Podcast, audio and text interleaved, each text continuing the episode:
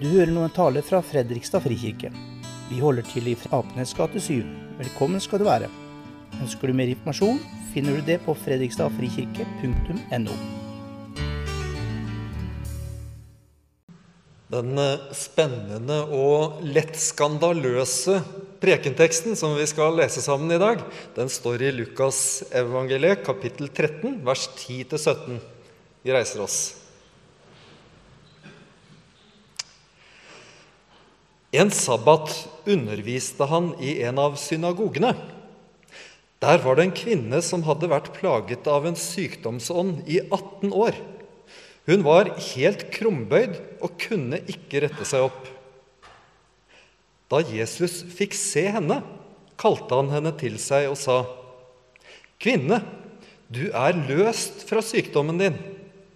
Han la hendene på henne, og straks rettet hun seg opp og lovpriste Gud. Men synagogeforstanderen ble forarget fordi Jesus helbredet på sabbaten.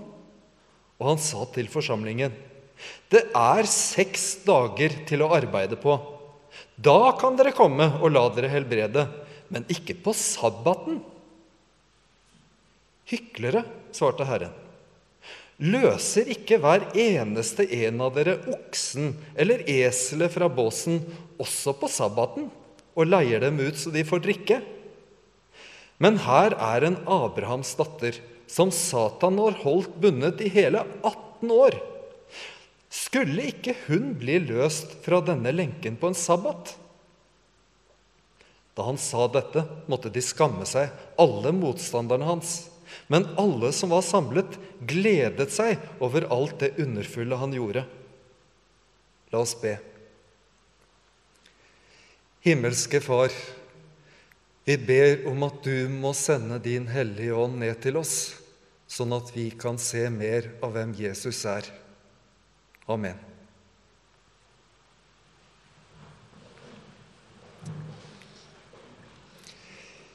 Vi liker ikke han synagogeforstanderen.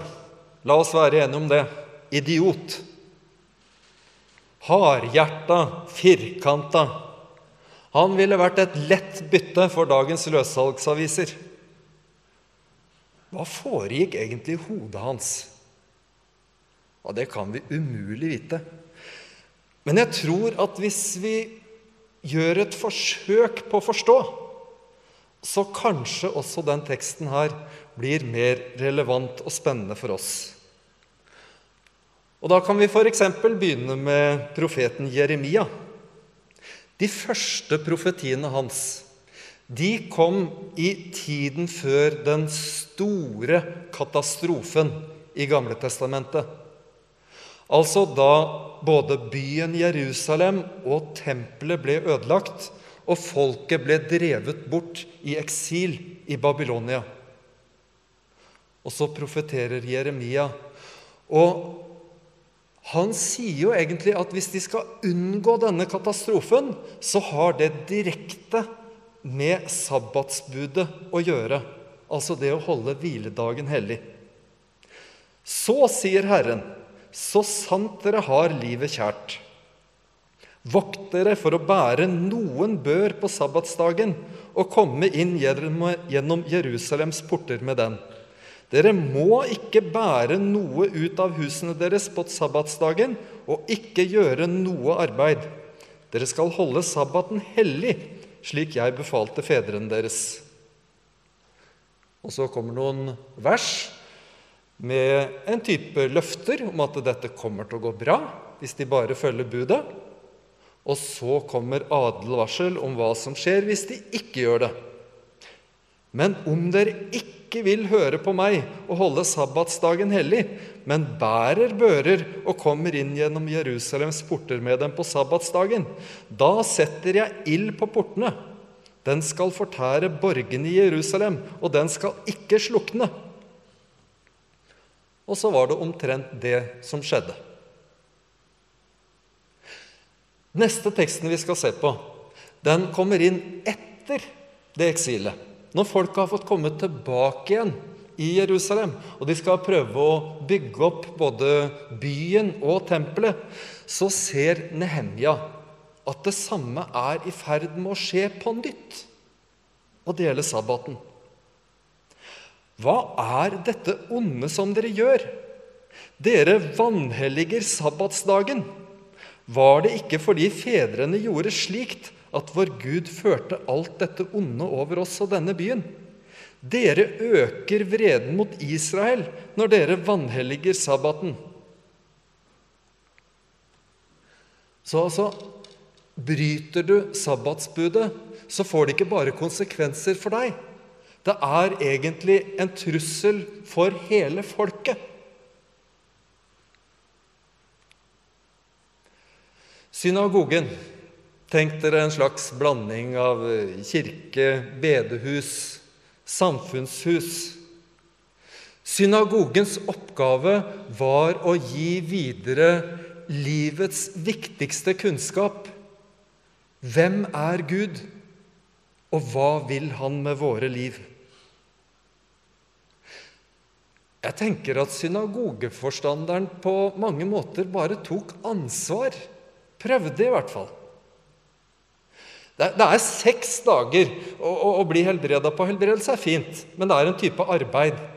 Det er seks dager dere kan komme og bli helbreda på, men i dag er det sabbat, hviledag, Guds dag. Ikke gjør det! Ikke gjør det, det er farlig.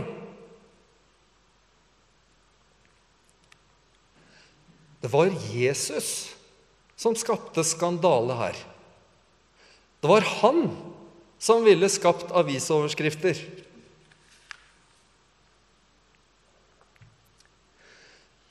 Det viktigste som Jesus kom for å gjøre, det skjedde i løpet av en snau uke. I påskeuka. Da han eh, sonet all vår synd og hang på korset i stedet for oss.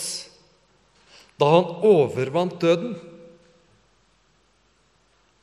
Men i tre år så gikk han rundt og gjorde det som egentlig også var synagogens prosjekt, nemlig å bringe videre livets viktigste kunnskap. Hvem er Gud, og hva er det Gud vil med våre liv? Og når han gjorde det, så oppsto det egentlig ganske mange skandaler. Fordi Jesus som lærer, som rabbi, han sa ting, og han gjorde ting som folk aldeles ikke forventet av en i hans posisjon som lærer. Han møtte utstøtte mennesker med kjærlighet og respekt. Han gikk til angrep på de religiøse lederne. Og så var det faktisk stadig konflikter rundt akkurat det her med sabbaten. En gang så gikk jo disiplene hans og, og plukka aks fra en åker og, og spiste korna. Og da sa Jesus at sabbaten, den er til for mennesket. Det er ikke mennesket som er til for sabbaten. Og så var det flere episoder som handla om akkurat helbredelse. Enda Jesus visste at det ville provosere voldsomt hvis han helbreda akkurat på en sabbat. Litt tidligere i Lukasevangeliet så sier Lukas noe om det her. De skriftlærde og fariseerne holdt øye med Jesus for å se om han ville helbrede på sabbaten, så de kunne få noe å anklage ham for. Det var altså helt åpenbart at det her var en grunn til å anklage en som Jesus.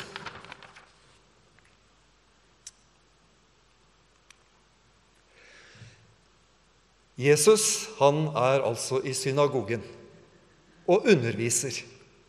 Og så får han øye på denne kvinnen. Og så virker det som han eh, avbryter undervisningen litt. Eller jeg tror egentlig ikke han gjør det. Jeg tror at det han gjør, er undervisningen. Jeg tror at det han gjør, er det viktigste Jesus vil ha fram nemlig at Gud vil gjenopprettelse. Gud vil at alt som er ødelagt og går i stykker i hans skaperverk, det skal gjøres helt igjen. Gud vil at hans vilje skal skje på jorda sånn som den skjer i himmelen. Og hva er da mer naturlig enn at en kvinne som har fått livet sitt ødelagt på den måten her, kan få ryggen sin hel igjen? At hun kan rette seg opp og lovprise Gud på en sabbat? Når er det mer naturlig enn på en sabbat, på Guds dag, på en hellig dag?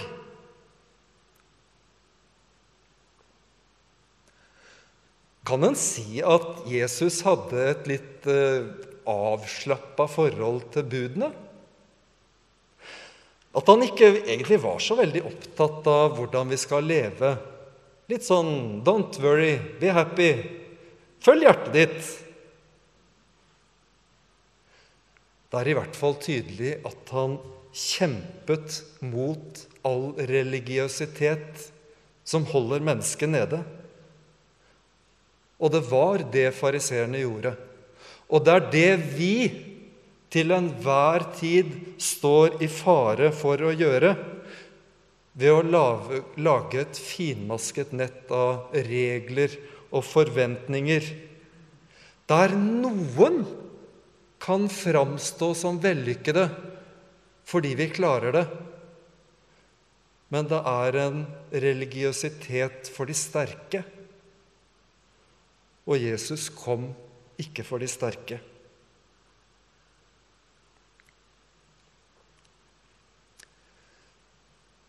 Det første Gud ba mennesket om å gjøre etter at han hadde skapt dem, det var å hvile. Når de våkna opp den første dagen, så var arbeidsoppgaven nå skal dere hvile. Der har vi sabbatsbudet. Og det skulle de gjøre hver uke framover så lenge jorda består. Det skal hvile. Og jeg tenker at det også er det første som Jesus kaller og inviterer oss til. Det er å hvile. Og Da tenker jeg ikke bare på søndagen, helligdagen, men jeg tenker på en grunnleggende hvile. Jesus inviterer oss til å hvile hver eneste dag, 24-7, i det å være elsket. At du er elsket akkurat som du er, med alle dine feil og mangler, med synd og med nederlag. Det er ingenting du kan gjøre som kan få Jesus til å elske deg mindre. Det er ingenting du kan gjøre som kan få Jesus til å elske deg mer. Jesus inviterer deg hver eneste dag, 24-7, til å hvile i Hans nåde. Det er ingenting du kan gjøre eller prestere for å legge noe til for å bli frelst. Om du er en stressa småbarnsforelder, eller om du er i en livskrise, så er det kanskje først og fremst det du skal fokusere på at Jesus inviterer deg til å hvile.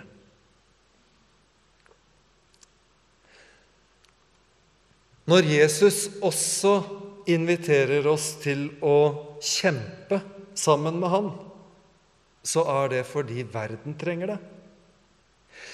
Jesus har ikke et avslappa forhold til hvordan det går i verden. Han har ikke et avslappa forhold til Guds vilje. Det er derfor han utfordrer oss til, så ofte vi kan, at vi skal be om det, at Guds vilje skal skje på jorda, sånn som den skjer i himmelen.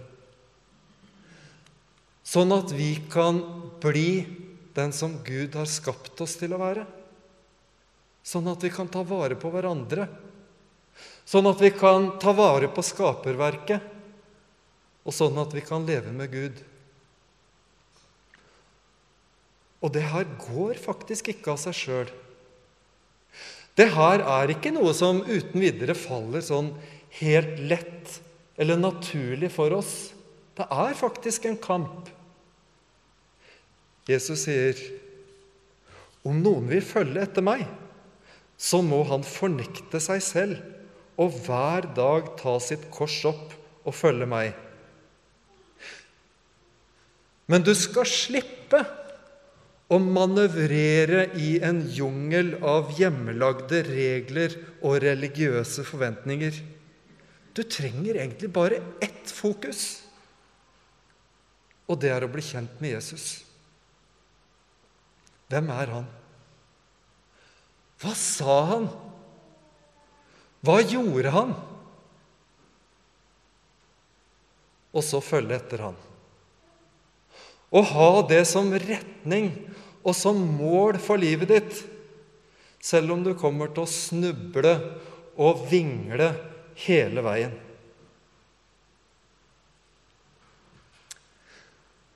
Vi skal tilbake til eh, synagogen igjen, til den teksten. For det var en skandale til i synagogen den dagen. Jesus brøt jo sabbatsbudet i synagogen. Dobbelt ille. Litt som å banne i kjerka. Jeg tror det er helt bevisst at han helbredet på sabbaten. Og jeg tror det er helt bevisst at han gjorde det i en synagoge. Lukas la dere merke til det, han sier at den kvinnen her var plaget av en sykdomsånd og hadde vært det i 18 år.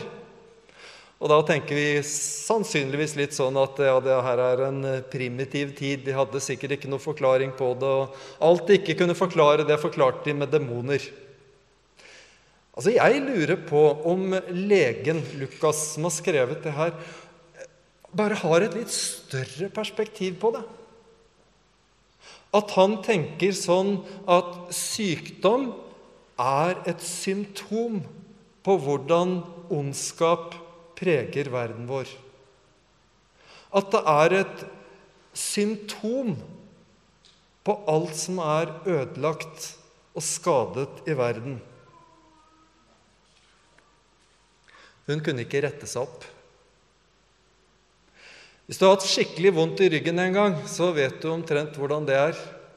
Jeg kan ikke tenke på hvordan det kunne vært å være sånn i, i 18 år. Jeg har prøvd det noen dager.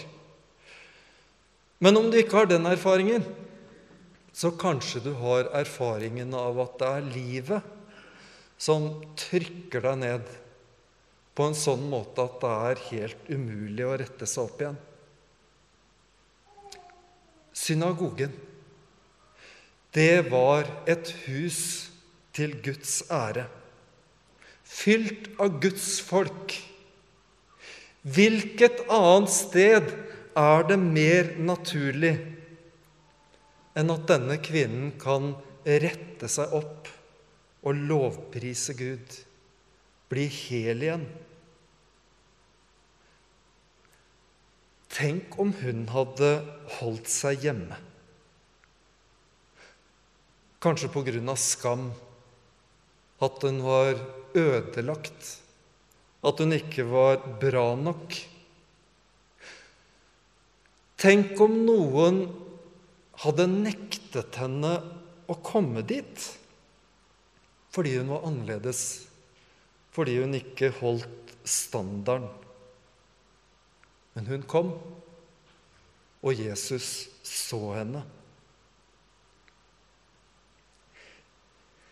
I Fredrikstad frikirke så har vi vedtatt at vi skal ha tre veldig tydelige mål, drivkrafter, som egentlig skal styre alt det vi holder på med. I barne- og ungdomsarbeid, i aktiviteter, i gudstjenester. Vi vil inkludere, vi vil inspirere, og vi vil involvere mennesker i det her. Jeg tenker at den teksten her den kan si oss en del veldig viktig om det å inkludere. For vi vil at mennesker skal få muligheten til å møte Jesus. Vi vil i Fredrikstad frikirke at mennesker skal bli sett av Jesus og få muligheten til å reise seg opp igjen og rette opp ryggen sin. Ikke hold deg borte fra kirka hvis du opplever at livet ditt har gått i stykker. Ikke unngå Guds folk, som kalles for et hellig folk, selv om du føler at du ikke klarer å holde standarden.